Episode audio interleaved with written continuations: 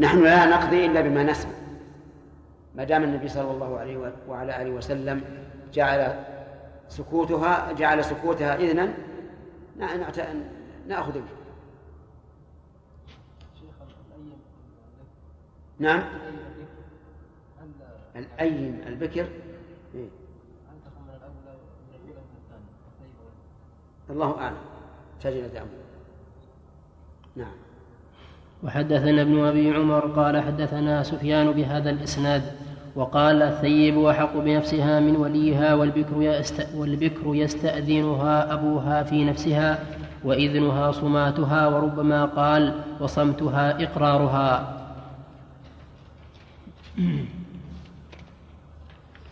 هنا نص على على إيش؟ الأب. على الأب. وعلى البكر. فدل هذا على أن قول بعض أهل العلم إن البكر يجبرها أبوها قول ضعيف. لا ليس له أصل بل السنة تخالف فلا يجوز الإنسان أن يزوج موليته بدون إذنه أو بغير رضاها سواء كان الأب أو الأخ أو الإبن أو غيره.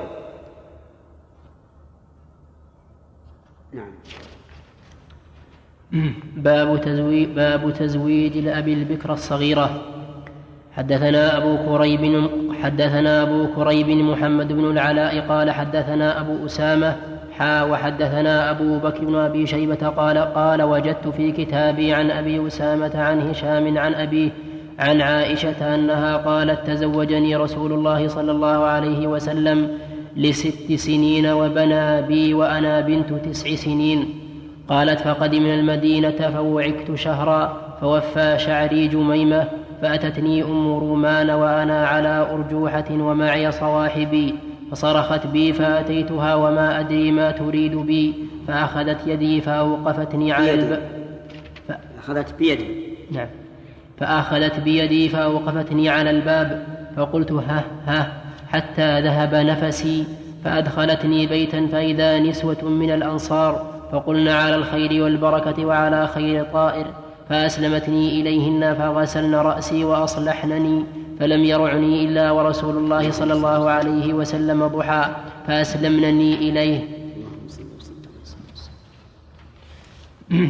وحد قوله رحمه الله باب قول المترجم باب تزويج الأب البكر الصغير.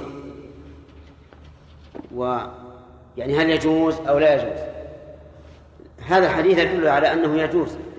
لأن أبا بكر رضي الله عنه زوج ابنته ولها عائشة ولها ست سنوات صغيرة. لكن يبدو آه، أنها آه، ترضى أو لا ترضى؟ نعم ترضى بلا شك. طيب لننظر في الحديث. قال تزوجني رسول الله صلى الله عليه وسلم لست سنين. اللام للتوقيت. فهي كقوله تعالى أقم الصلاة لدلوك الشمس. أي في هذا الوقت لست سنين وبنى بي وأنا بنت تسع سنين. يعني بقي ثلاث سنوات وهي زوجته لم يدخل عليه وقالت فقدم المدينة فوعكت شهرا فوفى فوفى شعري جميمة. يعني كأنه تمزق شيء من شعرها وقصر وضعف. فأتتني أم رومان. وهي أمها فأخذت بيدي. نعم. فأتتني أم رومان وأنا على أرجوحة ومعي صواحبي فصرخت بي. أرجوحة يعني لعبة من من الألعاب يلعبها الصبيان لأنها صغيرة بنت تسع سنوات. تلعب مع مع الفتيات ومعي صواحبي فصرخت بي فأتيته يعني نادتني برفع صوت. وما أدري ما تريد ما تريد بي. فأخذت بيدي فأوقفتني على الباب. فقلت ها ها حتى ذهب نفس ولا نفس عندكم؟ نفس يعني كأنها ارتاعت رضي الله عنها. صرخت بها وأخذ بيدها وكأنها لم تكلمها حتى أوقفتها على الباب. فقالت ها ها يعني نفسها ثار و فأرسلتني فأدخلتني بيتا. فإذا نسوة من الأنصار فقلن على الخير والبركة وعلى خير طائر هذه من التهنئة المعروفة عند العرب. وهناك تهنئة أخرى وهي بارك الله لكما وعليكما وجمع بينكما في خير. فإن قال الإنسان الثانية فهو أحسن وإن قال ما يناسب فلا بأس. فأسلمتني إليهن إليهن. فغسلن رأسي وأصلحنني فلم يرعني إلا رسول الله صلى الله عليه وسلم ضحى فأسلمني إليه. في هذا دليل على أن الزوجة تأتي إلى بيت زوجها ليتسلمها وكان عادة الناس عندنا أن الزوج يأتي إلى الزوجة في بيت أهله. ولا أدري هل هذا عام في جميع البلاد أو لا. نعم؟ عندنا إحنا كما يعني على عهد النبي صلى الله عليه وسلم يعني الزوجة يذهب إلى إلى إلى إلى الزوج. إلى الزوج.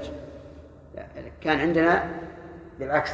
الزوج هو الذي يأتي إلى الزوجة أما الآن بواسطة قصور الأفراح كما يقولون فإنه لا يأتي الزوج ولا الزوج.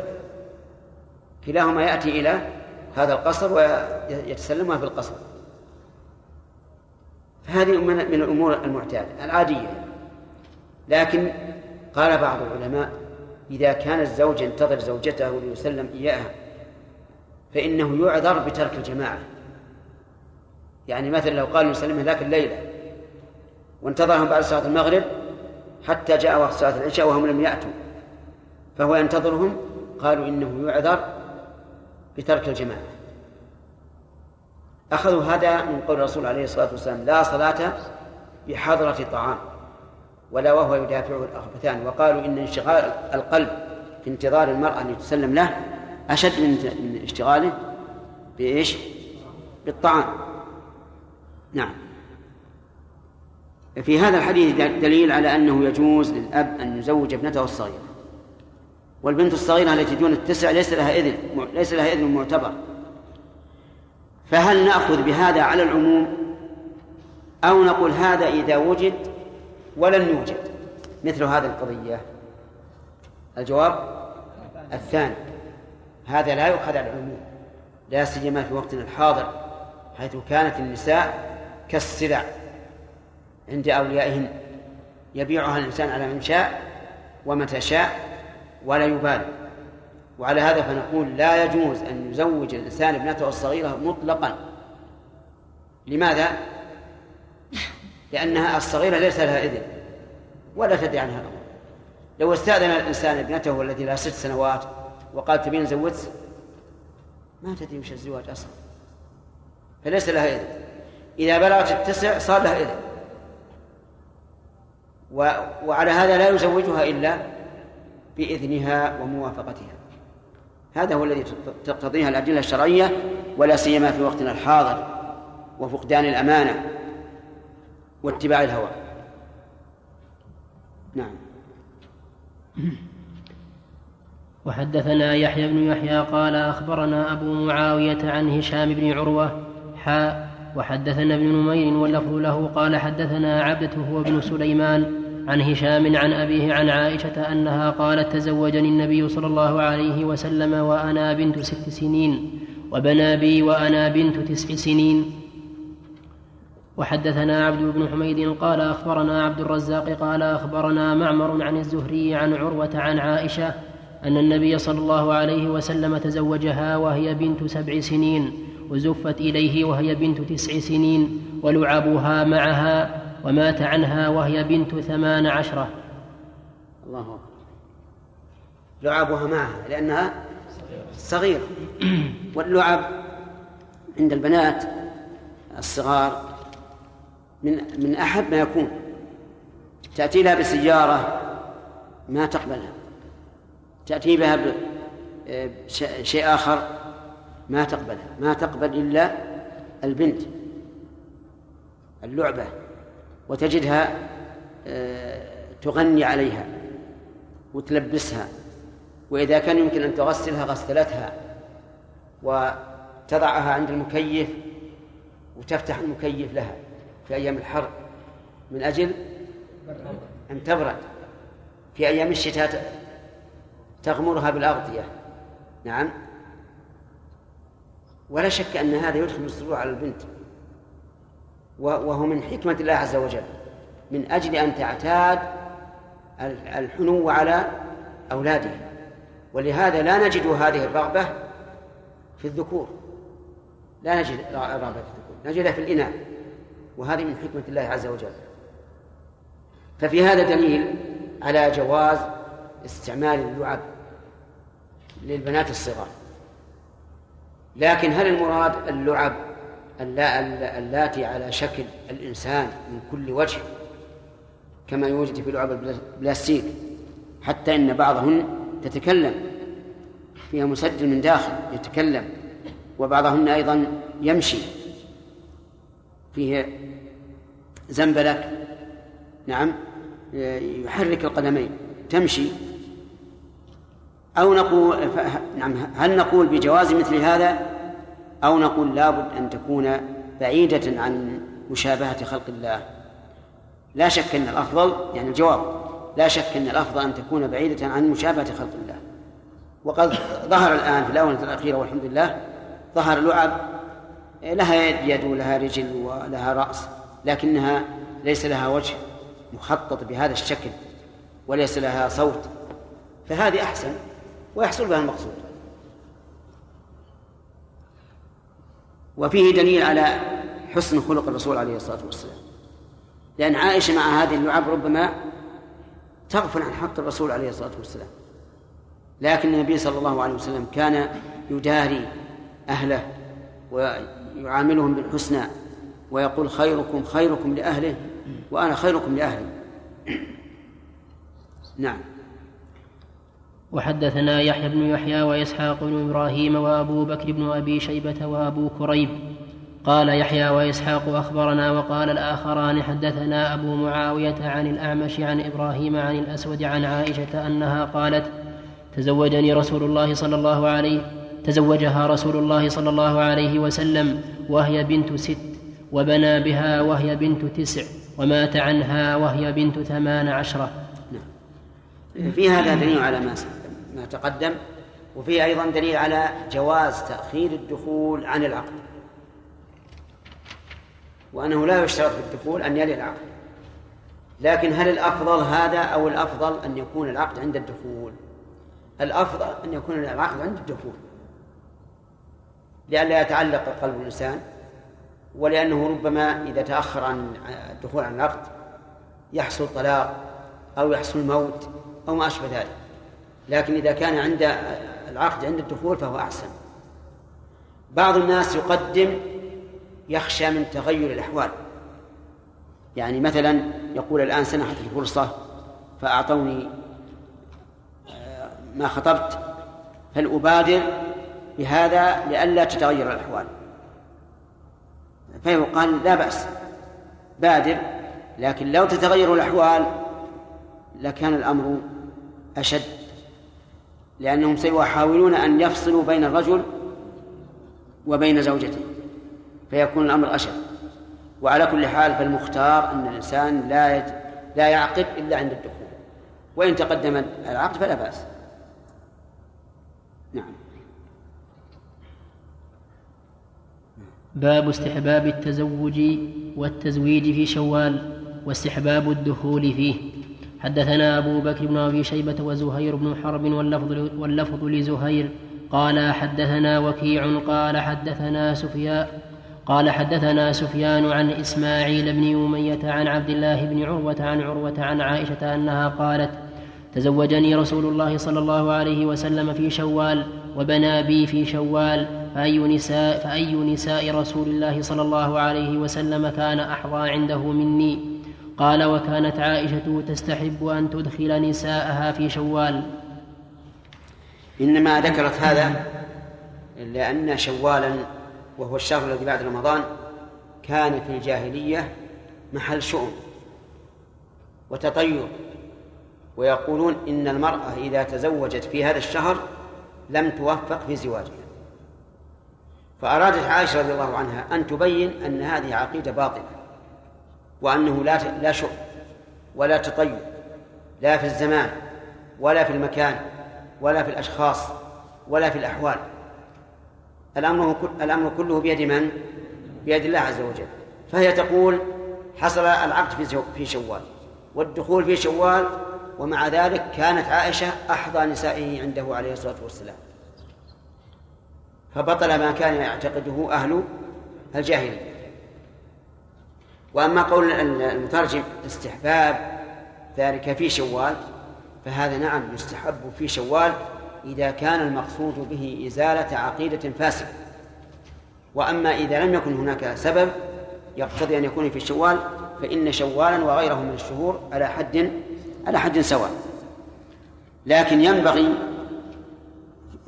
أقوله تفقها من عندي أن لا يكون الدخول في شعبان بالنسبة للشباب ولا في رمضان من باب أولى لأن بعض الشباب إذا كان قريب عهد بعرس فإنه لا يملك نفسه أن يفسد صومه ويجامع أهله.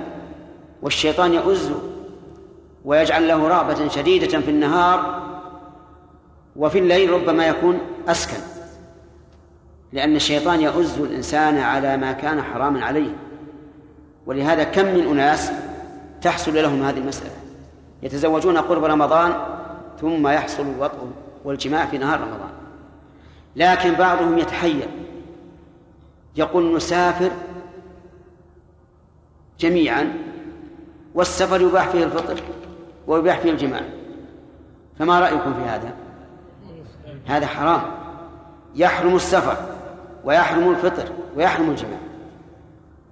وبعضهم يقول سنسافر فإذا انتصف في في الطريق وأتى إلى قرية نزل بالقرية وقضى حاجته مع أهله ثم قال استخرنا وعدلنا عن السفر. نعم هذا وقع يعني سئلنا عنه. نسأل الله العافية. تلاعب بشرع الله. وهذا حرام. الآن وش تكلف تكلف شد رحل ثم لم يفعل إلا مرة أو مرتين أو قل عشرا في, في يومه. ورجع إلى إلى إلى بلده. ولو أنه استعاذ من الشيطان وتصبر والحمد لله إذا كان لا يستطيع أن يملك نفسه لا يدخل البيت. يكون في المسجد مع أصحابه في المكتبة حتى يأتي الليل. والحمد لله الذي أباح النساء في الليل. أحل لكم ليلة الصيام الرفث إلى نسائكم. هن لباس لكم وأنتم لباس لهن. علم الله أنكم كنتم تختانون أنفسكم فتاب عليكم وعافى عنكم. المهم أن, أن هذا الذي أرى تفقها مني أنه لا ينبغي أن يكون الدخول قرب رمضان ولا في رمضان. أما في رمضان فالحمد لله. بالنسبة لبلادنا لا يوجد أحد يدخل في رمضان. لكن قرب رمضان يوجد. لكن التأخير أحسن. أو, لا أو التقديم. يعني يكون بعد رمضان الدخول أو قبله بمدة. ذكرنا أن عائشة رضي الله عنها كانت أحظى نساء الرسول عليه الصلاة والسلام عنده. فهل هي أحظى من خديجة أو خديجة أحظى نقول إنهما لم يجتمعا في في نكاح. لأن تزوج الرسول عليه الصلاة والسلام في بعائشة بعد خديجة وحينئذ لا يمكن الحكم بأن هذه أحظى أو هذه أحظى. فإن قال قائل أيهما أفضل؟ لا أيهما أحظى يعني الحظية عرفنا أنها غير ممكن لكن أيهما أفضل؟ قلنا كل واحدة منهما لها مزية. لا تدركها الأخرى. خديجة رضي الله عنها كانت أم أكثر أولاده. كل أولاد الرسول صلى الله عليه وسلم منها إلا واحدا وهو إبراهيم رضي الله عنه. وأيضا خديجة عاضدت عاضدت النبي صلى الله عليه وسلم في أول الدعوة وناصرت بمالها ونفسها. وأيضا خديجة لم يتزوج عليها حتى ماتت. وأيضا كان يذكرها عليه الصلاة والسلام بعد موتها ويهدي اللحم إلى إلى صديقاتها. كل هذه مزايا عظيمة لخديجة رضي الله عنها. لكن أم المؤمنين عائشة رضي الله عنها لا أحد يشك في أنها من أحب بل أحب نسائه اللاتي شاركنها في في النكاح أحب نسائه إليه. كان عليه الصلاة والسلام يرضيها ويفرحها ويسابقها وفي مرض موته كان يقول أين أنا غدا؟ أين أنا غدا؟ يريد أن يمرض في بيت عائشة رضي الله عنها. حتى أذن له رضي الله عنهن وجزاهن خيرا أذن له أن أن يتمرض في بيت عائشة. ثم شاء الله عز وجل وله الحكمة سبحانه وتعالى أن يموت في يومها الرسول عليه الصلاة والسلام وفي بيتها وفي حجرها. رضي الله عنها وأرضاها. وهذه مزايا عظيمة. ثم إنها قد روت من السنة ما لم تشركها فيه خديجة. هي من أكثر الصحابة رضي الله عنهم رواية لسنة الرسول عليه الصلاة والسلام. فهي من هذه الناحية تكون أفضل من خديجة. فلكل منهما فضل ومزية رضي الله عنه. لكنهما بالاتفاق هما خير نساء النبي صلى الله عليه وسلم. ويذكر أن رافضيا وسنيا اختصما فقال الرافضي علي أفضل من أبي بكر وقال السني أبو بكر أفضل فاختصما إلى ابن الجوزي رحمه الله صاحب التبصرة والمواعظ المشهورة اختصما إليه قال أيهما أفضل؟ نحن رضيناك حكما. قال أفضلهما من كانت ابنته تحته. بقيت الخصومة. أو لا؟ الخصومة بقيت أفضلهما من كانت ابنته تحته. هل من كانت ابنته ابنة الرسول تحته؟ فيكون الأفضل علي. أو ما كان أو من كانت ابنته المخت... ابنة المتخاصم فيه تحته أي تحت الرسول فيكون أبا بكر. وهذه من فضل الله على المرء أن يلقنه الحجة بداهة. لأن كثيرا من الناس تضيع عنه الحجة فيحصل الجدال بينه وبين غيره ثم إذا تفرق وجد في نفسه حججا كثيرة لكن تضيع وقت المحاجة على كل حال نحن نقول إن أفضل زوجات الرسول عليه الصلاة والسلام من؟ ها؟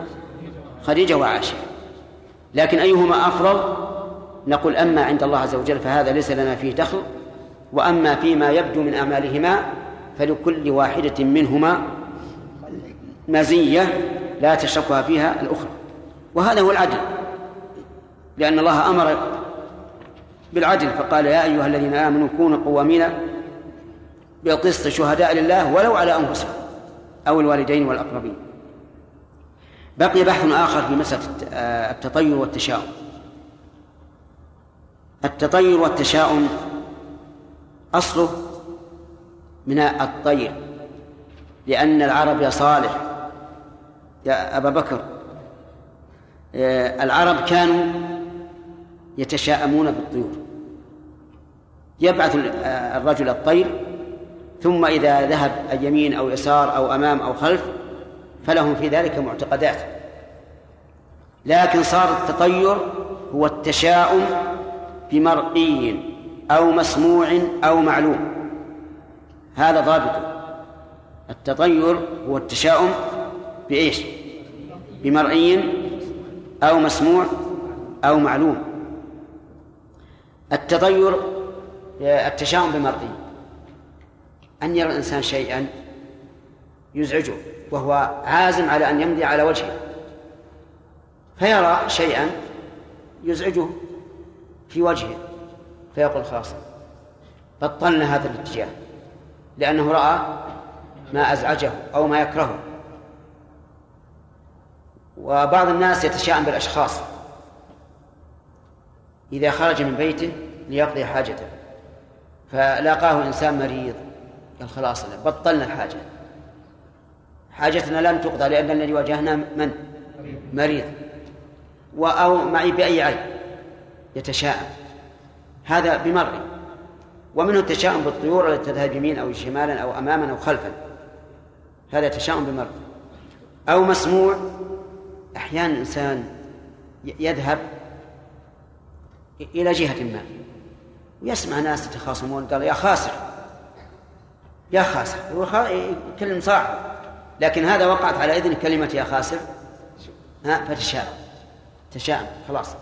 ما دام أول ما سمعت يا خاسر فأنا إن ذهبت فأنا خسران. هذا بإيش؟ تشاؤم بماذا؟ بمسموع طيب. التشاؤم بالأزمنة. من أي النوعين؟ من المعلوم. تشاؤم بمعلوم. لأن الشهر لا يرى ولا ولا يسمع. فهذا تشاؤم بمعلوم. ولهذا يجب على الإنسان أن يبعد عن هذه الأمور وعن هذه التقديرات وأن يكون عازما ذا عزيمة وحزم. إذا عزمت فتوكل على الله. وأما كون الإنسان يعني يجعل باله لهذه الأمور فهذا غلط. سوف يتنكد سوف يلعب عليه الشيطان في كل شيء. ثم إن هناك شيء آخر إذا أشكل عليك الأمر فارجع إلى من بيده الأمر عز وجل. بماذا؟ بالاستخارة. صلي ركعتين ثم ادعو بدعاء الاستخارة وإذا حصل ما يكون سواء ما أردت أولا أو ما أردت ثانيا فهذا هو الخير. يعني بعض الناس يقول لابد أن أني أتغير عن الرأي الأول. إذا استخرت ما صحيح. بل إذا استخرت ويسر لك أي ما يسر فهذا هو الخير لأنك سألت ربك عز وجل. قلت اللهم إني أستغفرك بعلمك إلى آخر الحديث. نعم. نكمل نعم. الرواية شيء؟ نعم. والبقية؟ إي ما سلم. نقرأ.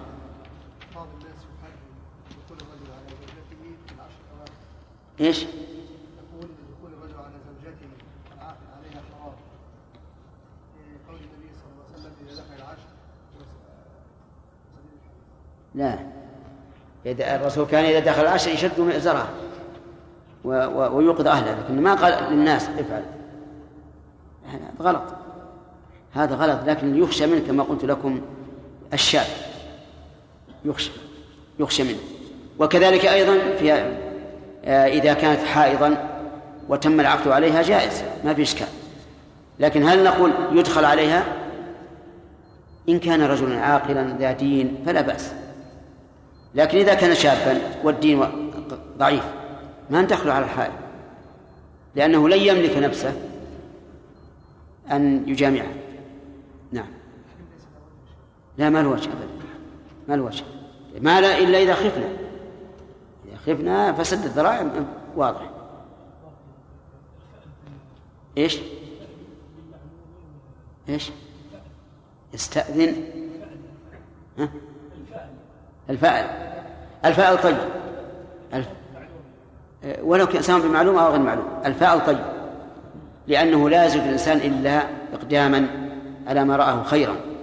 ولهذا تفاعل النبي صلى الله عليه وسلم في صلح الحديبية لما جاء سهيل بن عمر بن, بن عمرو. وقال هذا سهيل بن عمرو وما أظنه إلا قد سهل من أمره. فالتفاؤل غير وكان النبي صلى الله عليه وسلم يعجبه الفعل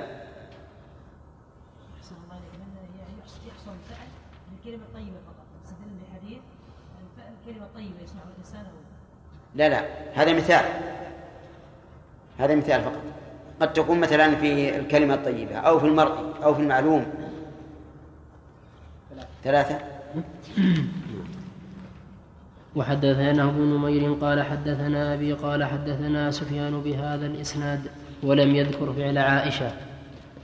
باب ندب باب باب ندب النظر إلى وجه المرأة وكفيها لمن يريد تزوجها.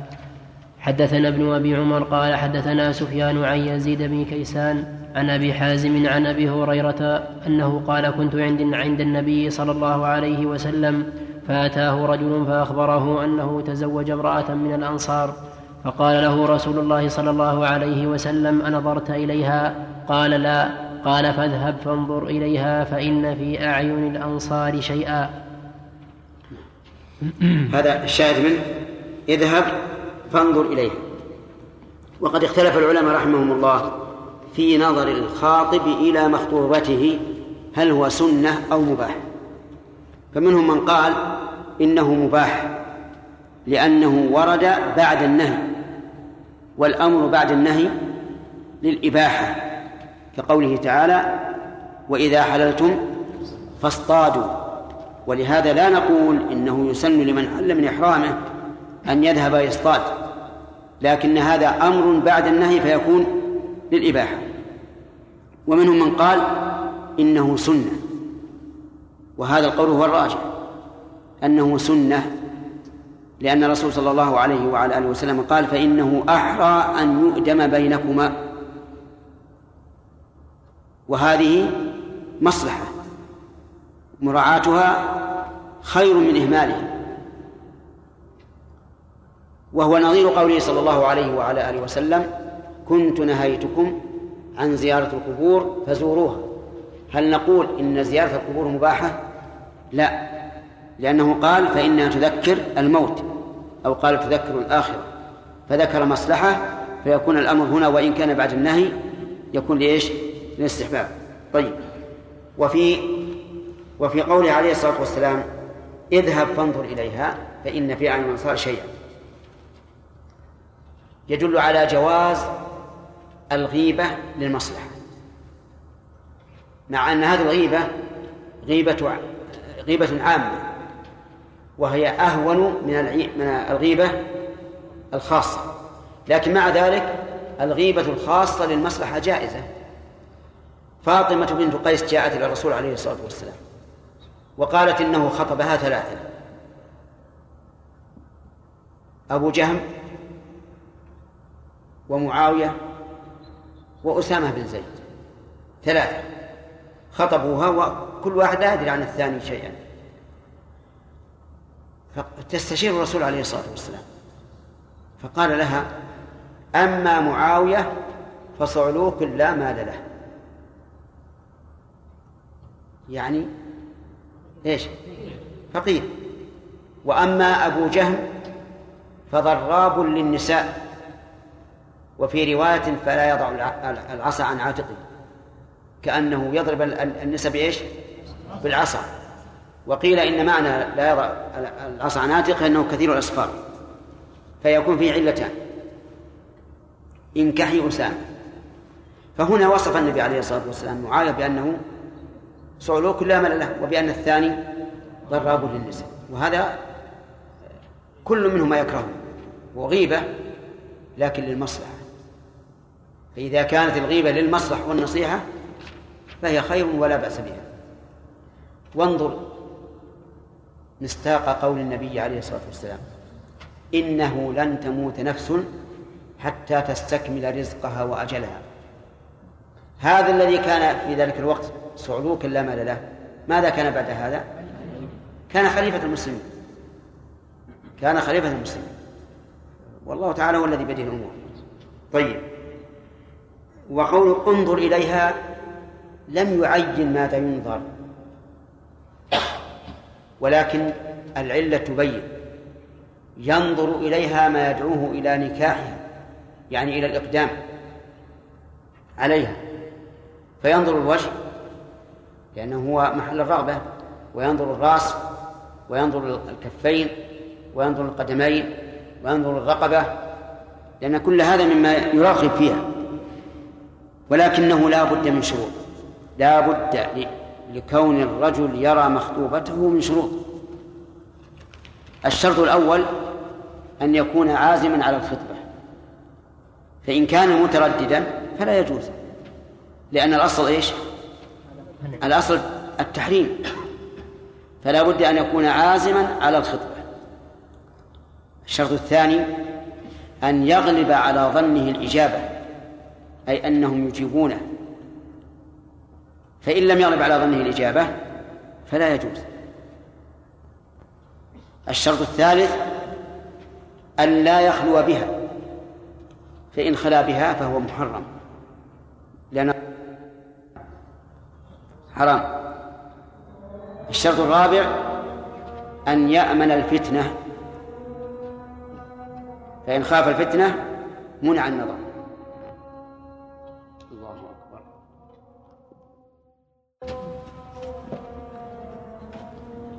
الله أكبر. بسم الله الرحمن الرحيم. الحمد لله رب العالمين وصلى الله وسلم على عبده ورسوله نبينا محمد وعلى آله وصحابته أجمعين. قال الإمام مسلم رحمه الله تعالى في كتابه الصحيح وحدثني يحيى بن معين قال حدثنا مروان بن معاوية الفزاري قال حدثنا يزيد بن قيسان عن أبي حازم عن أبي هريرة أنه قال جاء رجل إلى النبي صلى الله عليه وسلم فقال إني تزوجت امرأة من الأنصار. فقال له النبي صلى الله عليه وسلم هل, هل نظرت إليها؟ فإن في عيون الأنصار شيئا. قال قد نظرت إليها. قال على كم تزوجتها؟ قال على أربع أواق. فقال له النبي صلى الله عليه وسلم على أربع أواق كأنما تنحتون الفضة من عرض هذا الجبل. ما عندنا ما نعطيك. ولكن عسى أن نبعثك في بعث تصيب منه. قال فبعث بعثا إلى بني عبس بعث ذلك الرجل فيهم. بسم الله الرحمن هذا الحديث فيه ما سبق أنه ينبغي للخاطب أن ينظر إلى مخطوبته لئلا يقع في ما يكره بعد العقد ولا سيما إذا كانت المرأة من قوم معروفين بشيء مما يعد ذميما ذميما أو دميما فإنه يتأكد أن ينظر إليها. وفي هذا أيضا من الفوائد إنكار النبي صلى الله عليه وسلم على هذا الرجل الذي تزوج على أربع أواق من فضة. الأربع الأواق 160 درهم. 160 درهما إسلاميا يساوي حوالي أربعين ريال عندنا أو ما أشبه ذلك. وقد أنكر عليه النبي صلى الله عليه وعلى آله وسلم هذا مستكثرا إياه. وكأنه في ذلك الوقت الصداق قليل ويعد هذا كثيرا. ولا شك أن من زاد على ما يعرفه الناس من الصداق أنه ضار لنفسه وضار لغيره لأن الناس ينظر بعضهم إلى بعض. فإذا نظر نظروا إلى هذا قد زاد وزاد الثاني وزاد الثالث تفاقمت الأمور. وفي أيضا من فوائد هذا هذا الحديث آه، أنه يجوز للإنسان إذا بعث في بعث على الصدقة أن يأخذ ما ما يعطى وأن يصرفه في حوائجه. نعم. باب الصداق وجواز كونه تعلم قرآن وخاتم حديد وغير ذلك. من قليل وكثير واستحباب كونه خمسمائة درهم لمن لا يجحف به. حدثنا قتيبة بن سعيد الثقفي قال حدثنا يعقوب يعني بن عبد الرحمن القاري عن أبي حازم عن سهل بن سعد. حاء وحدثناه قتيبة وحدثناه قتيبة قال حدثنا عبد العزيز بن أبي حازم عن أبيه عن سهل بن سعد أنه قال جاءت امرأة إلى رسول الله صلى الله عليه وسلم فقالت يا رسول الله جئت أهب لك نفسي. فنظر إليها رسول الله صلى الله عليه وسلم فصعد النظر فيها وصوبه ثم طأطأ رسول الله صلى الله عليه وسلم رأسه. فلما رأت المرأة أنه لم يقض فيها شيئا جلست. فقام رجل من أصحابه فقال يا رسول الله إن لم يكن لك بها حاجة فزوجنيها. فقال فهل عندك من شيء؟ فقال لا والله يا رسول الله. فقال اذهب إلى أهلك فانظر هل تجد شيئا. فذهب فذهب ثم رجع فقال لا والله ما وجدت شيئا. فقال رسول الله صلى الله عليه وسلم انظر ولو خاتم من حديد. ولو؟ خاتم. يعني عندنا خاتما يقول وهكذا هو في النسخ خاتم من حديد. وفي بعض النسخ خاتم وهذا واضح والأول صحيح أيضا أي ولو حضر خاتم من حديد.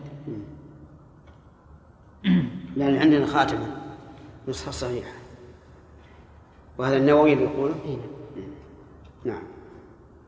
فذهب ثم رجع فقال لا والله يا رسول الله ولا خاتم من حديد ولكن هذا إزاري.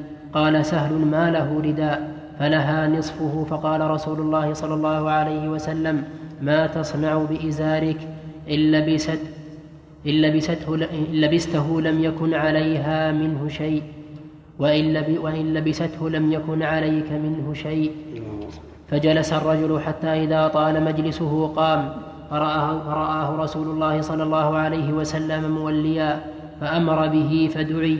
فلما جاء قال ماذا معك من القرآن؟ قال معي سورة كذا وسورة كذا عددها. فقال تقرأهن عن ظهر قلب. قال نعم. قال اذهب فقد ملكتها بما معك من القرآن. هذا حديث ابن أبي حازم. فقد إيش؟ فقد ملكت ملكتها. هذه نسخة عندنا نسخة أخرى. ملكتكها هذا حديث ابن أبي حازم وحديث يعقوب يقاربه في اللفظ. هذا الحديث فيه فوائد منها جواز هبة المرأة نفسها لرسول الله صلى الله عليه وعلى آله وسلم فإذا قبلها تم العقد. ولكن ولكن هذا خاص به لقول الله تبارك وتعالى وامرأة مؤمنة يعني أحللنا لك امرأة مؤمنة إن وهبت نفسها للنبي يعني لك لكنه أظهر في موضع الإضمار تعظيما للرسول عليه الصلاة والسلام وإشارة إلى وجه الخصوصية وهو أنه نبي.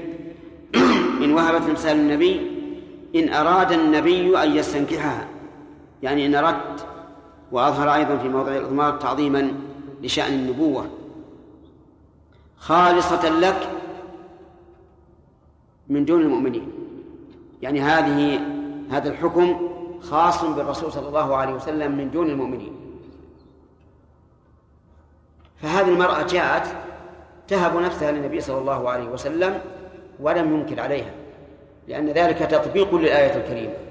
ففيه ففيه أي في هذا الحديث جواز نكاح النبي صلى الله عليه وعلى آله وسلم بالهبة ولكن هذا إيش؟ خاص به. ومن فوائد هذا الحديث حسن خلق النبي صلى الله عليه وعلى آله وسلم. فإنه لما صعد النظر فيها أي رفعه وصوبه أي نزله طأطأ رأسه ولم يقضي فيها بشيء. لم لم يخجلها فيقول أنا لا أريدك ولم يقبلها لأنه لا يريد. والإنسان لا يجبر على شيء لا يريده. ومن, ومن ذلك فضيلة هذه المرأة. التي جاءت تهب نفسها للنبي صلى الله عليه وعلى آله وسلم. فإنها لم تهب نفسها له إلا لما ترجوه من قربه لما ترجوه في قربه من المصالح الدينية والدنيوية. ومن فوائد هذا الحديث حسن آداب الصحابة مع الرسول صلى الله عليه وسلم حيث قال الرجل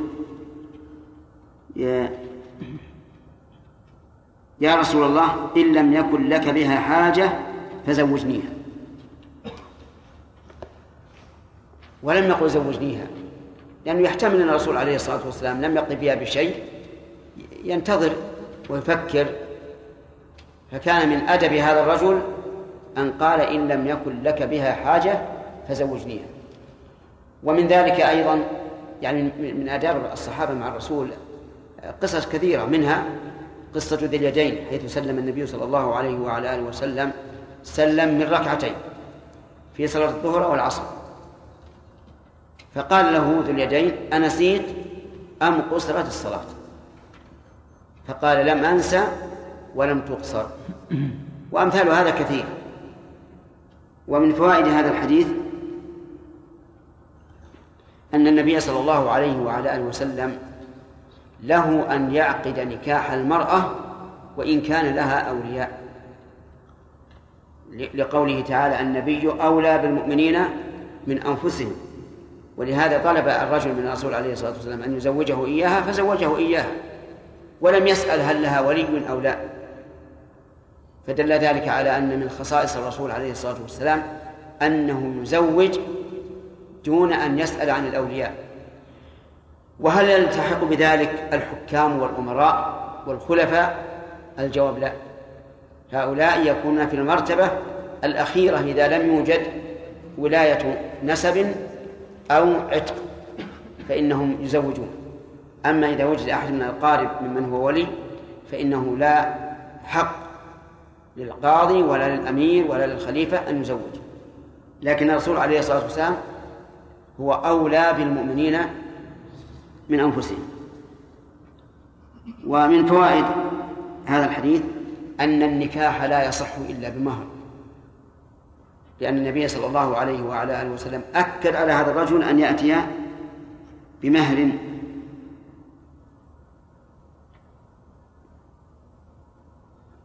ومن فوائد هذا الحديث أنه ينبغي للإنسان أن لا يحكم على الشيء بنفي أو إثبات إلا بعد التثبت. فإن هذا الرجل قال هل عندك من شيء؟ قال لا. قال اذهب إلى أهلك فانظر هل تجد شيئا. ولم يكتفي بقوله لا لأنه ربما يكون بعد ذهابه وبعد خروجه من أهله حصل له ما يمكن أن يجعله مهرا. ومن فوائد هذا الحديث جواز اليمين بدون استقسام.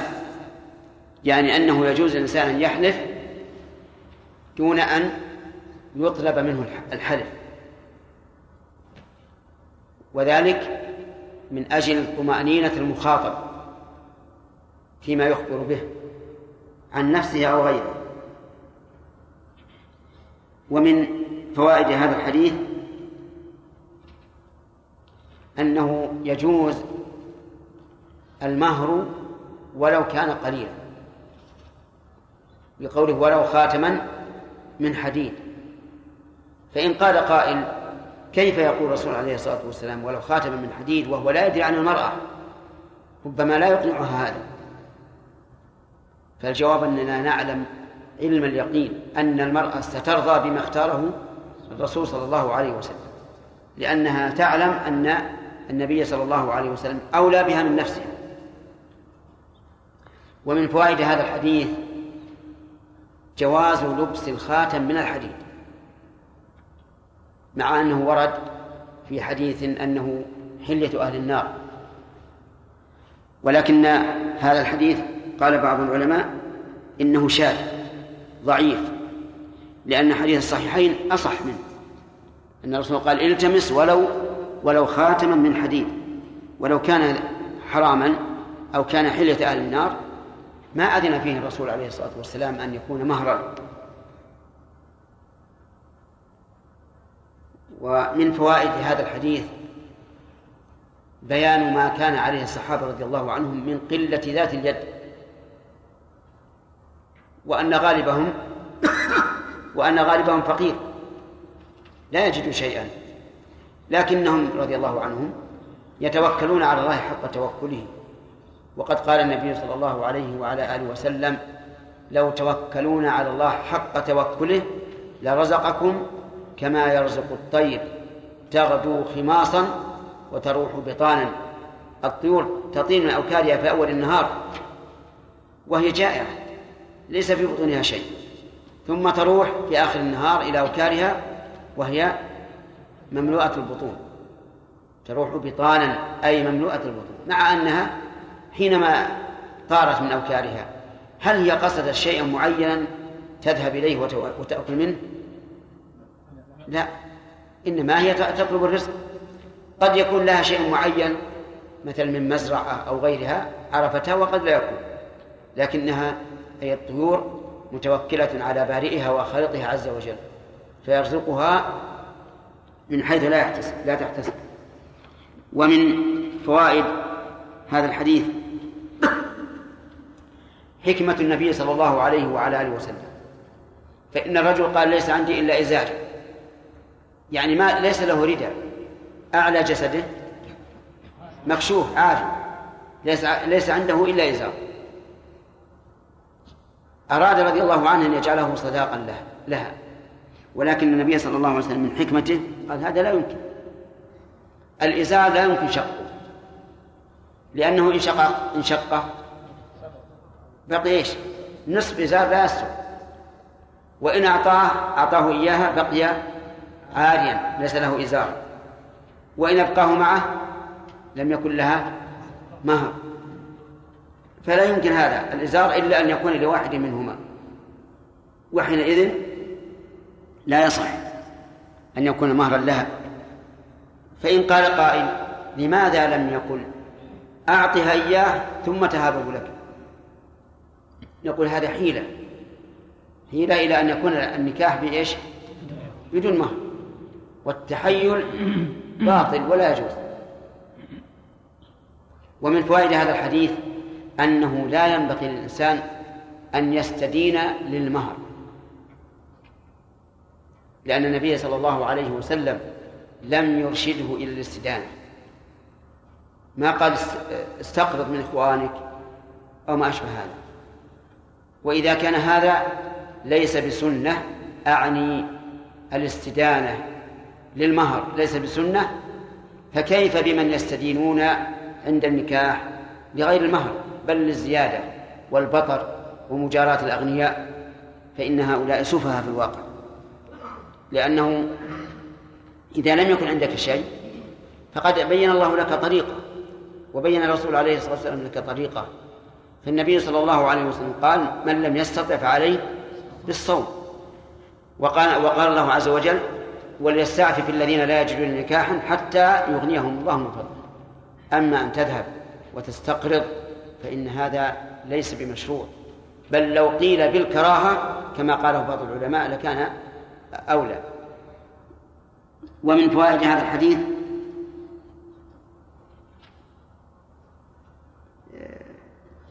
عناية النبي عليه الصلاة والسلام بأمته ورحمته بهم. لأن هذا الرجل لما لم يتيسر أن يكون إزاره سلاقا جلس. ثم لما طال به المجلس قام لينصرف إلى أهله. ولكن النبي صلى الله عليه وسلم لما رأى من حرصه أنه يريد أن يتزوج بهذه المرأة كلمه أمر به فدعي. ومن فوائد هذا الحديث فضيلة القرآن الكريم. لأن قوله هل معك فقال ماذا معك من القرآن؟ قال معي سورة كذا وكذا؟ فقال تقرأهن عن ظهر قلب؟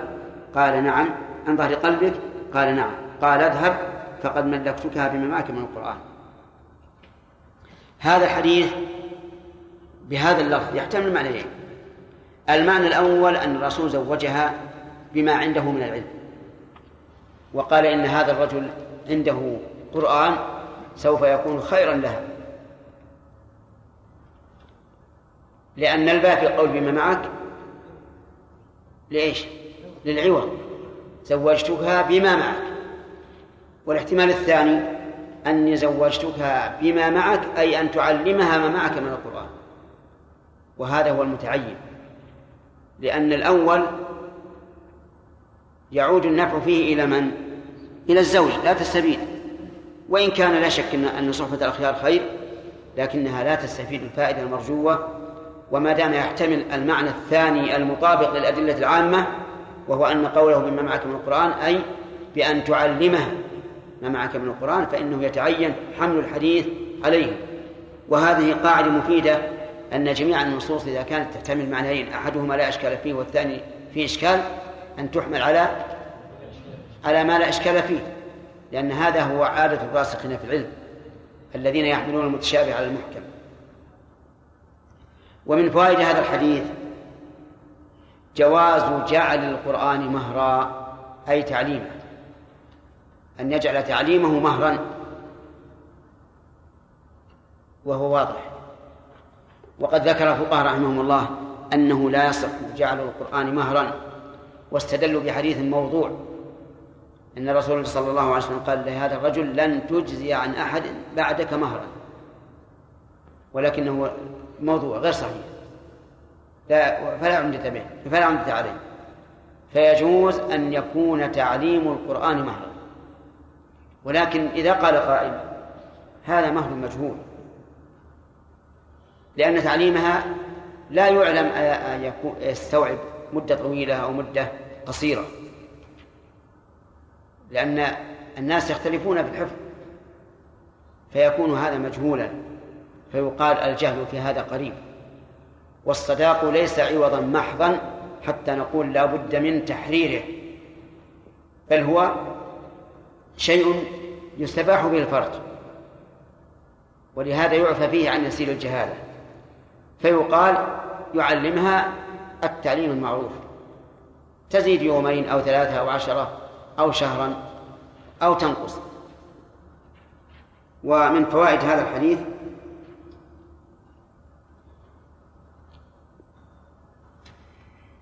جواز جواز عقد النكاح بما يدل عليه من صيغة وأنه لا يشترط أن يقول زوجتك بل إذا قال كلمة يستفاد منها العقد انعقد بها النكاح.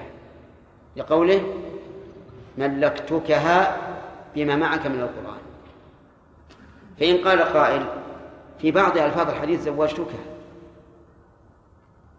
في بعض ألفاظ الحديث زوجتكها. والقصة واحدة.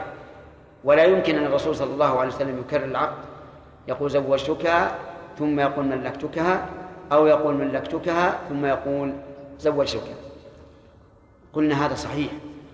والواقع وال... والذي حصل هو أحد الصيغتين بل الذي حصل هو إحدى الصيغتين. لكن كون الناقلين ينقلون هذه عنها بدلا عن هذه يدل على أنه إيش؟ لا فرق بينهما وأن المقصود ما دل على العقد. وهذا هو اختيار شيخ الإسلام ابن تيمية رحمه الله أن النكاح كغيره ينعقد بما دل عليه. ولكن هل ينعقد بلفظ الهبة؟ فيقول وهبتك ابنتي بالصداق الفلاني؟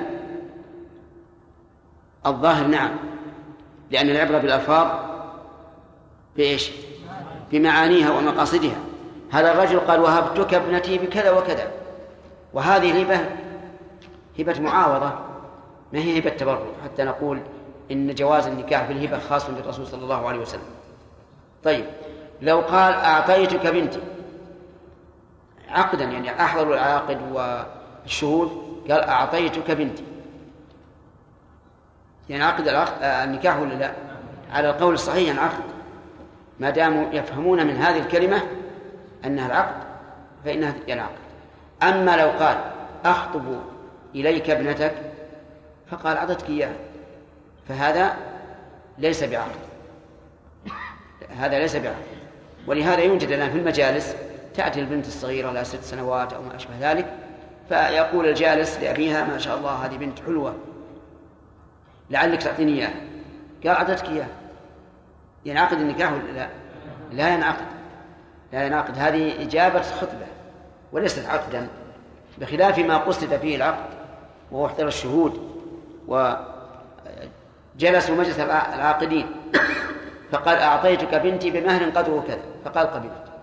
فالصحيح أنه ينعقد ينعقد النكاح بهذا لأن صيغ العقود ليست ألفاظا متعبدا بها حتى نقول لابد أن تكون بالصيغة الواردة ألفاظ العقود آه نعم صيغ العقود خاضعة لإيش؟ خاضعة لأعراف الناس في كل زمان وفي كل مكان وفي كل أمة طيب لو قال الرجل جوزتك بنتي بكذا. يجوز؟ جوزتك. ولا الأصل أنكحتك أو زوجتك لكن هذا قال جوزتك بنتي. يجوز؟ نعم. بناء على القول الراجح. أن النكاح ينعقد بما دل عليه.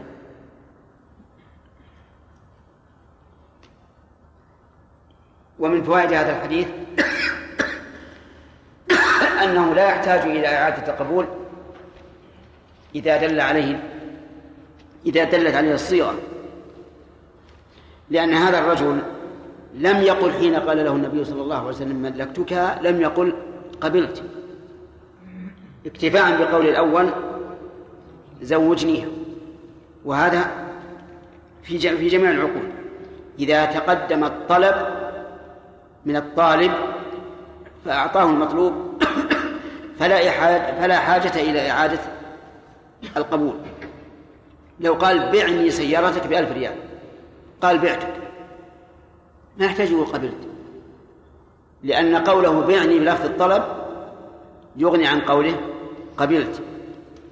كذلك هذا الرجل لم يقل حين قال له النبي صلى الله عليه وسلم حين قال له ملكتكها من القرآن لم يقل قبلت.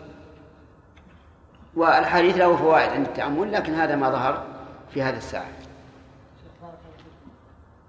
عند الناس أن إذا قال زوج بنتك هذه قال هي لك ينعقد. إيش؟ إنه؟ ينعقد. لا. بعد. ويستدلون بحديث آه، ثلاث جدهن جد وهزم لا لا. لا هذا وعد هذا وليس عقد هذا وعد وليس عقدا العقد نقول زوجني بنتك قال زوجتك يمزح. هذا هو العقد. أما مسألة هي لك أو جاتك نعم أو الله يربحك أو بارك الله لك ما يعد عقد. لو قال زوجتك لو قال زوجتك ويمزح انعقد النكاح.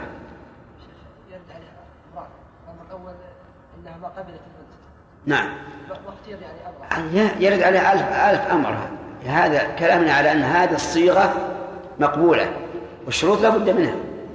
لا بد منها. يرد عليه أيضا لا بد تكون ألا تكون بينهما رضاع وأن ترضى وأن يكون شهود. كل شيء يرد عليه. متوفر كل شيء لا بد يتوفر كل عقد سواء المسح ولا جد. لا بد يتوفر. نعم. شيخ هل يؤخذ من هذا الحديث. أن المرأة كانت كاشفه كاشفة وجهها آه، لأن النبي صلى الله عليه وسلم رآها وصوب النظر إلى نعم.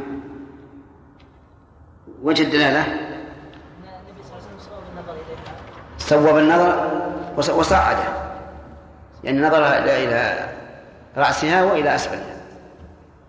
نعم. ربما يؤخذ من هذا. لكنه لا ليس بلازم. المرأة قد يشوف الإنسان مثل آه، جسدها أو جرمها ويطمع ويطمع فيها أو يرفض. هذه واحدة. الوجه الثاني أن نقول متى كان وجوب الحجاب؟ في السنة السادسة من الهجرة يعني متأخر.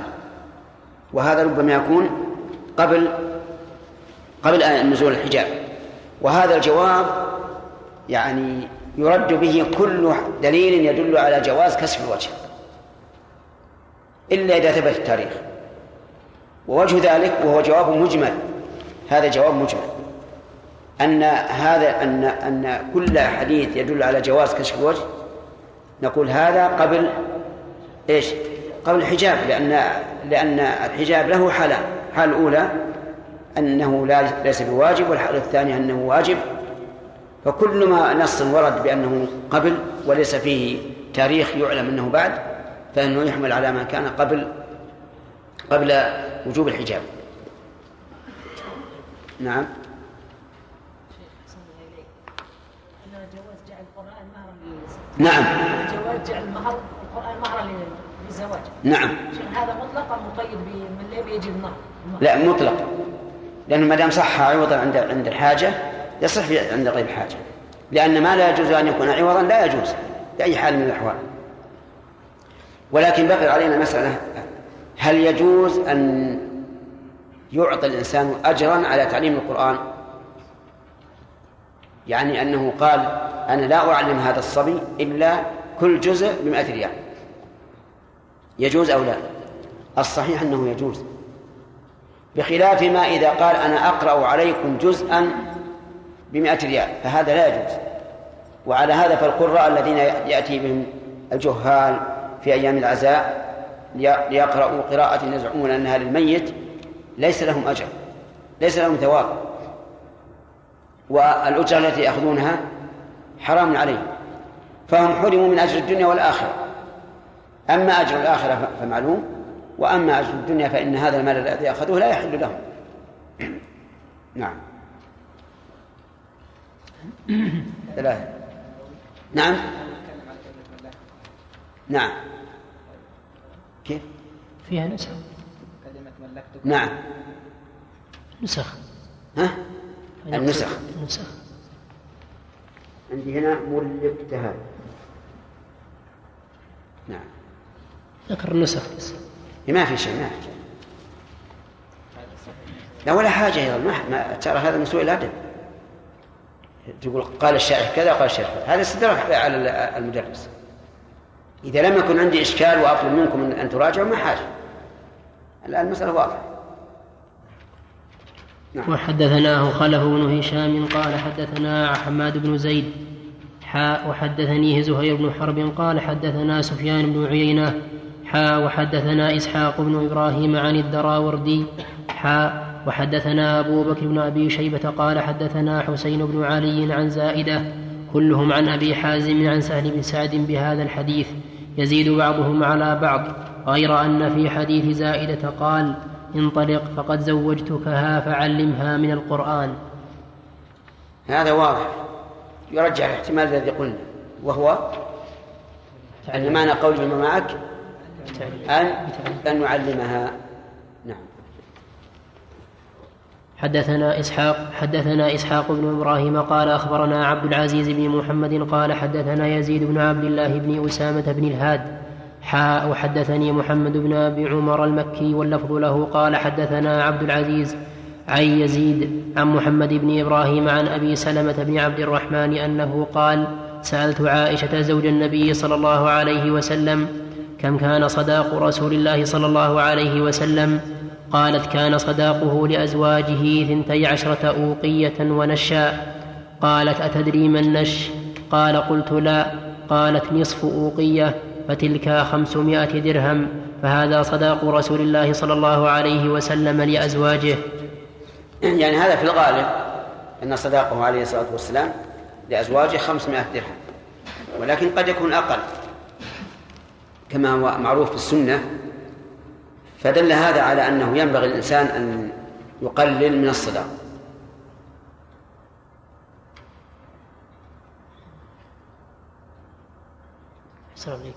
وفيه أيضا حرص السلف الصالح على معرفة هدي النبي صلى الله عليه وعلى آله وسلم. فهذا أبو سلمة بن عبد الرحمن رحمه الله سأل عائشة كم كان صداق النبي وليعلم أن الصحابة والتابعين. إذا سألوا عن هذه الأحكام الشرعية ليس ليس مرادهم معرفة الحكم.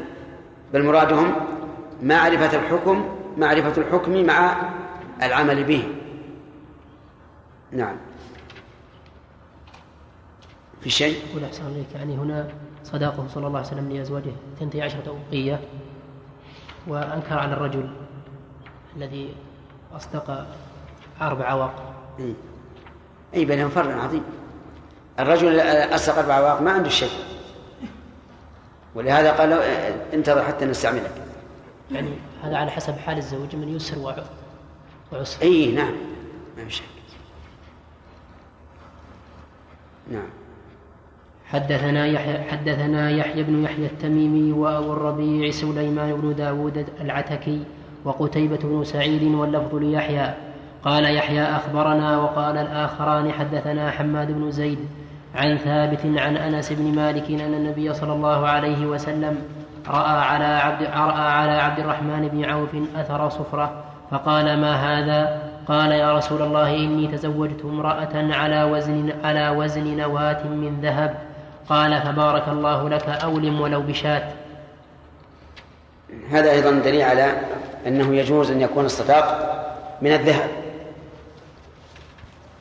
ويجوز من الفضة ويجوز من النعلين ويجوز من الخاتم ويجوز من المنافع أيضا.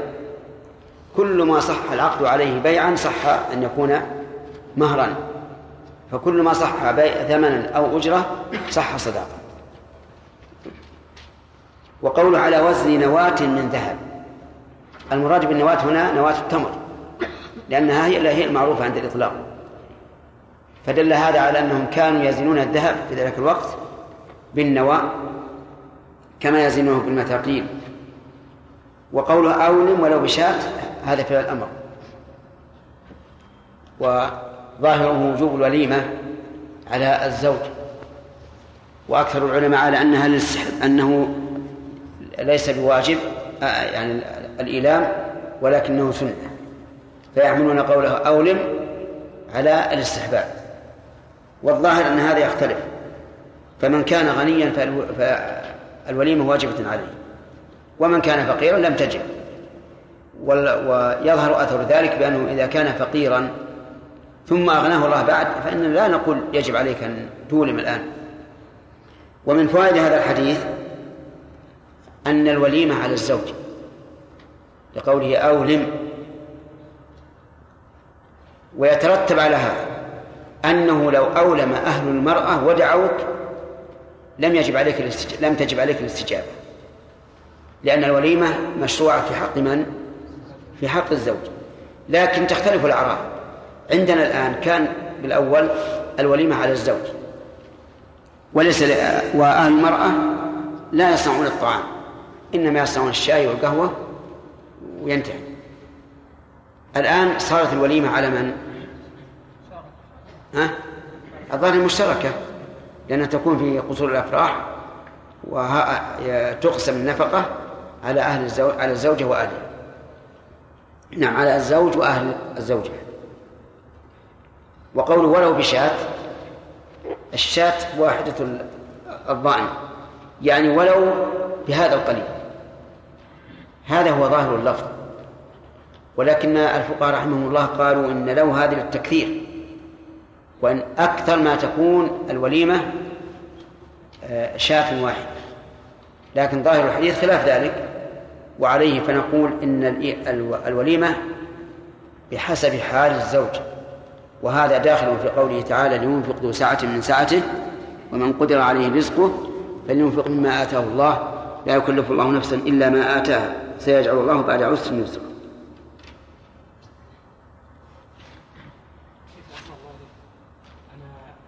يعني ان الله لا يستحي من الحق وأنا اسال سؤال مسترشد يعني مستفسر أحيانا الطالب يا شيخ يورد كلام الشارح يعني ويجد فيه إشكال. فيريد أن يستفسر منكم أحسن الله إليكم على يعني معنى هذا الكلام. نعم. فنجدكم تكرهون هذا كرها شديدا نعم أكرهه كرها شديدا لأنه سوء أدب والمسألة مهم هذه مهم مذاكرة. هذا مقام تعليم. أما لو كان مذاكرة كل واحد معنا معه كتاب وهذا يذكر هذا وهذا يذكر هذا لا بأس. لكن هذا مقام تعليم. والشيء الذي يمكن أن ندركه من الحديث ما ما أبخل به عليه. أخبركم به. وما زاد لا, لا داعي له. ولو أننا فتحنا هذا الباب لكأن كل واحد يجيب شرح للبخاري وشرح لمسلم كل واحد يقول يلا شرحي قال كذا وكذا. فهذا أنت وهذا حجاج. لكن لعلكم لا لا, لا تعودان إلى هذا. نعم.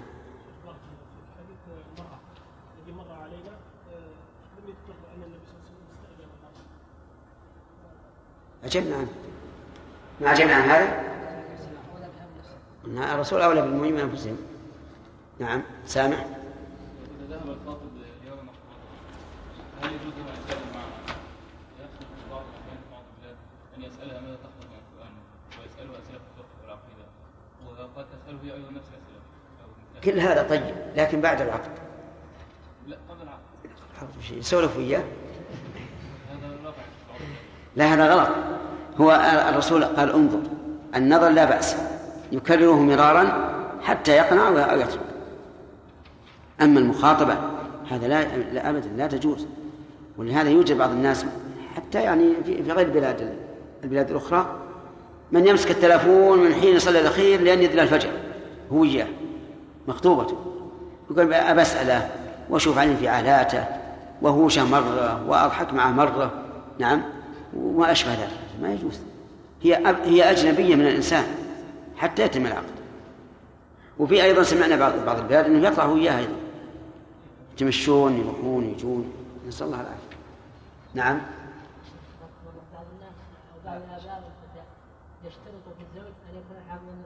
نعم. فيقول إذا هو حافظ القرآن لا يريد مهر. هل يتم بهذا المهر؟ نعم. لا كيف مهر؟ مثلا لا يريد منك المهر. إذا كنت حافظا لا ما يصير ما يصير لا بد من مهر ولو قل. و... و... نعم لكن لهم من يشترط أن يكون حافظا للقرآن. لكن لا يكون مهرا. نعم. وحدثنا محمد بن عبيد الغباري قال حدثنا أبو عوانة عن, عن قتادة عن أنس بن مالك أن عبد الرحمن بن أن عبد الرحمن بن عوف تزوج على عهد رسول الله صلى الله عليه وسلم على وزن نواة من ذهب فقال له رسول الله صلى الله عليه وسلم أولم ولو بشاه. وحدثنا إسحاق بن إبراهيم قال أخبرنا وكيع قال حدثنا شعبة عن قتادة وحميد عن أنس أن عبد الرحمن بن عوف تزوج امرأة على وزن نواه من ذهب وأن النبي صلى الله عليه وسلم قال له أولم ولو بشاه. قال الإمام مسلم رحمه الله تعالى وحدثناه محمد بن قال حدثنا أبو داود حاء وحدثنا محمد بن رافع وهارون بن عبد الله قال حدثنا وهو بن جرير حاء وحدثنا أحمد بن خراش قال حدثنا شبابة كلهم عن شعبة عن حميد بهذا الإسناد غير أن في حديث وهب قال قال عبد الرحمن تزوجت امرأة. وحدثنا إسحاق بن إبراهيم ومحمد بن قدامة قال أخبرنا النضر بن شميل قال حدثنا شعبة قال حدثنا عبد العزيز بن صهيب قال سمعت أنه قال سمعت أنسا يقول قال عبد الرحمن بن عوف رآني رسول الله صلى الله عليه وسلم وعلي بشاشة العرس. فقلت تزوجت امرأة من الأنصار فقال كم أصدقتها؟ فقلت نواه. وفي حديث إسحاق من ذهب. وحدثنا محمد بن المثنى قال حدثنا أبو داود قال حدثنا شعبة عن أبي حمزة قال شعبة واسمه عبد الرحمن بن أبي عبد الله. عن أنس بن مالك أن عبد الرحمن تزوج امرأة أن عبد الرحمن تزوج امرأة على وزن نواة من ذهب وحدثنيه محمد بن رافع قال حدثنا وهب قال أخبرنا شعبة بهذا الإسناد غير أنه قال فقال رجل من ولد عبد الرحمن بن عوف من ذهب باب فضيلة اعتاقه أمته. أمته نعم. أمته ثم يتزوجها. حدثني زهير بن حرب قال حدثنا إسماعيل يعني ابن علية عن عبد العزيز عن أنس أن رسول الله صلى الله عليه وسلم غزا خيبر. قال فصلينا عندها صلاة الغداة بغلس. فركب نبي الله صلى الله عليه وسلم وركب أبو طلحة وأنا رديف أبي طلحة. فأجرى نبي الله صلى الله عليه وسلم في زقاق خيبر. وإن ركبتي لتمس فخذ نبي الله صلى الله عليه وسلم وانحسر الإزار عن فخذ نبي الله صلى الله عليه وسلم فإني لأرى بياض فخذ نبي الله صلى الله عليه وسلم. فلما فلما دخل القرية قال الله أكبر خربت خيبر إنا إذا نزلنا بساحة قوم فساء صباح المنذرين. قالها ثلاث مرات. قال وقد خرج القوم إلى أعمالهم فقالوا محمد والله قال عبد العزيز وقال بعض أصحابنا محمد والخميس.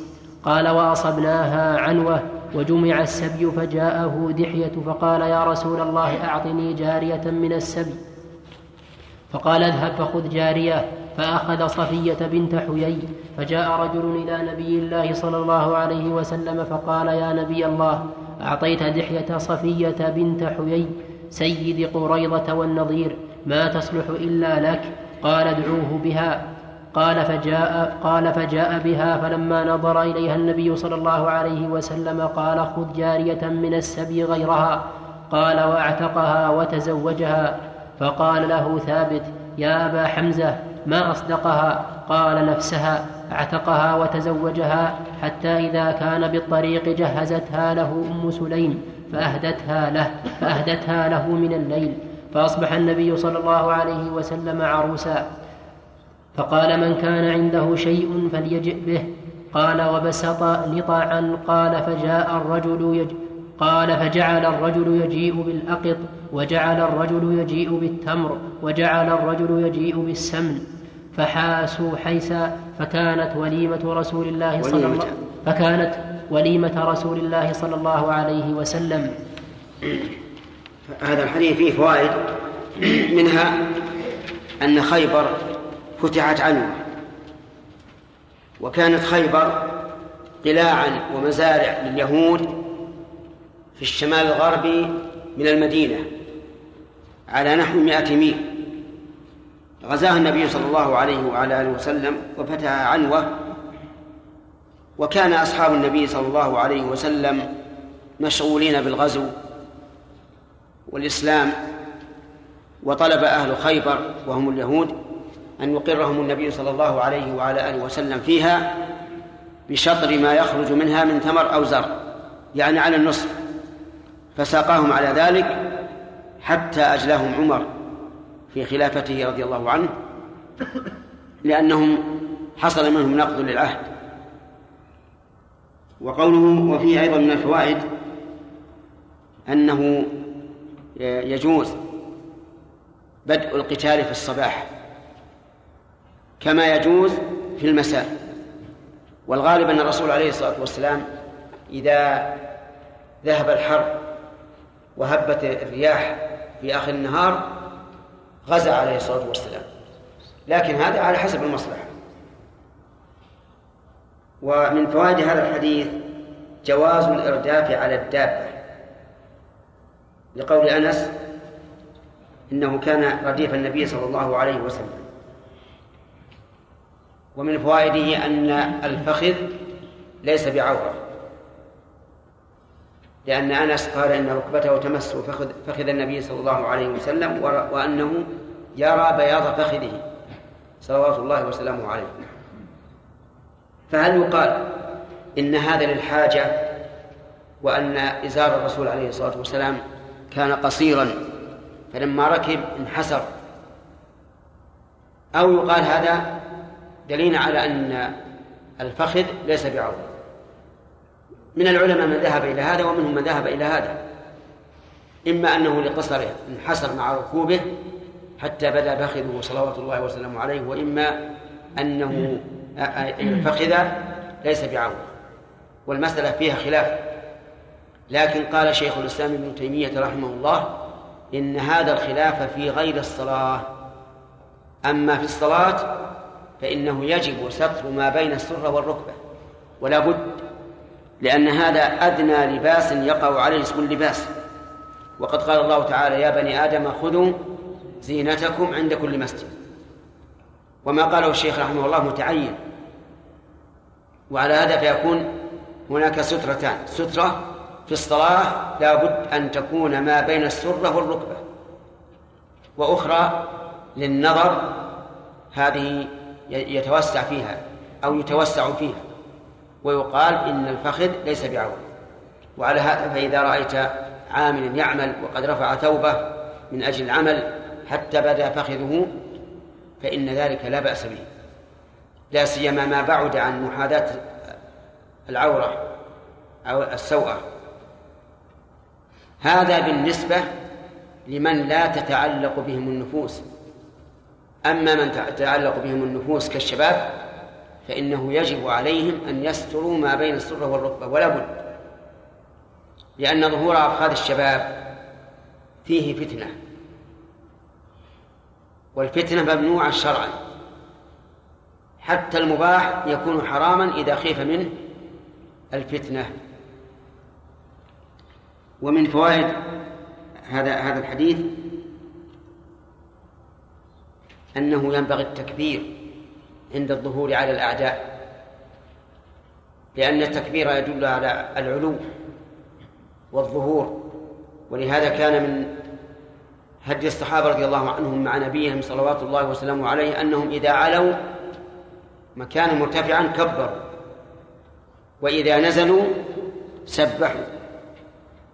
ومن هنا نعرف أن المشروع لمن ركب الطائرة ثم استقلت من الأرض أن يكبر وإذا بدأت بالهبوط فإنه يسبح.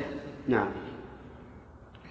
ومن فوائد هذا الحديث التفاؤل وأن الإنسان ينبغي أن يكون الفأل هو الذي على ذكره وباله لقوله خربت خيبر.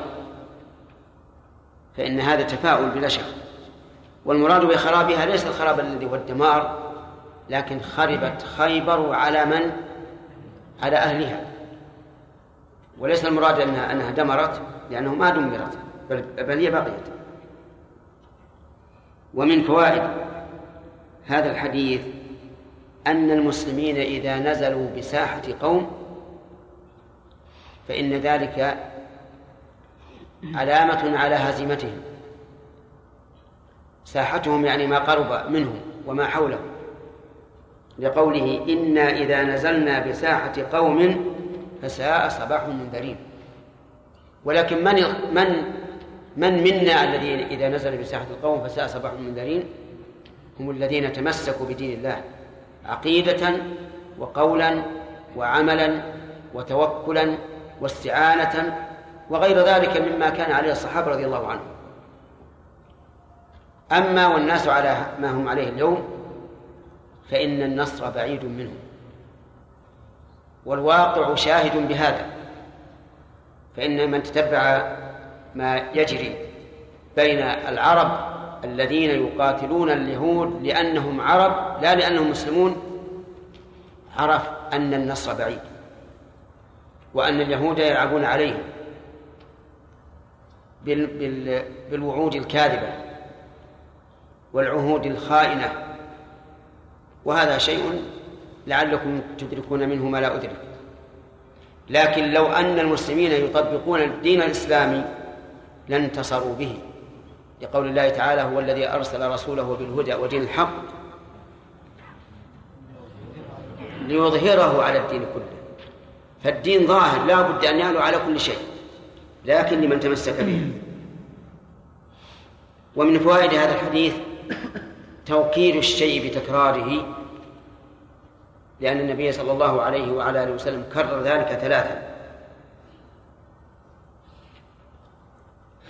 ومن فوائد هذا الحديث بيان الذعر في قلوب اليهود. وأنهم أهل ذعر ورعب. وهو كذلك. هم أذل الناس وأشد الناس رهبة من الموت وخوفا منه وأشد الناس حرصا على الحياة. قال الله تعالى ولا تجدن ولا تجدنهم أحرص الناس على حياة ومن الذين أشركوا. يعني وأحرص من المشركين. ولهذا قال الله تعالى فيهم قل إن كانت لكم الدار الآخرة عند الله خالصة من دون الناس فإيش؟ فتمنوا الموت إن كنتم صادقين. ولا يتمنونه أبدا بما قدمت أيديهم والله عليم بالظالمين. فإن قال قائل كيف تصفونهم بالذل؟ وهم الآن يتكلمون من منطق العز والقوة.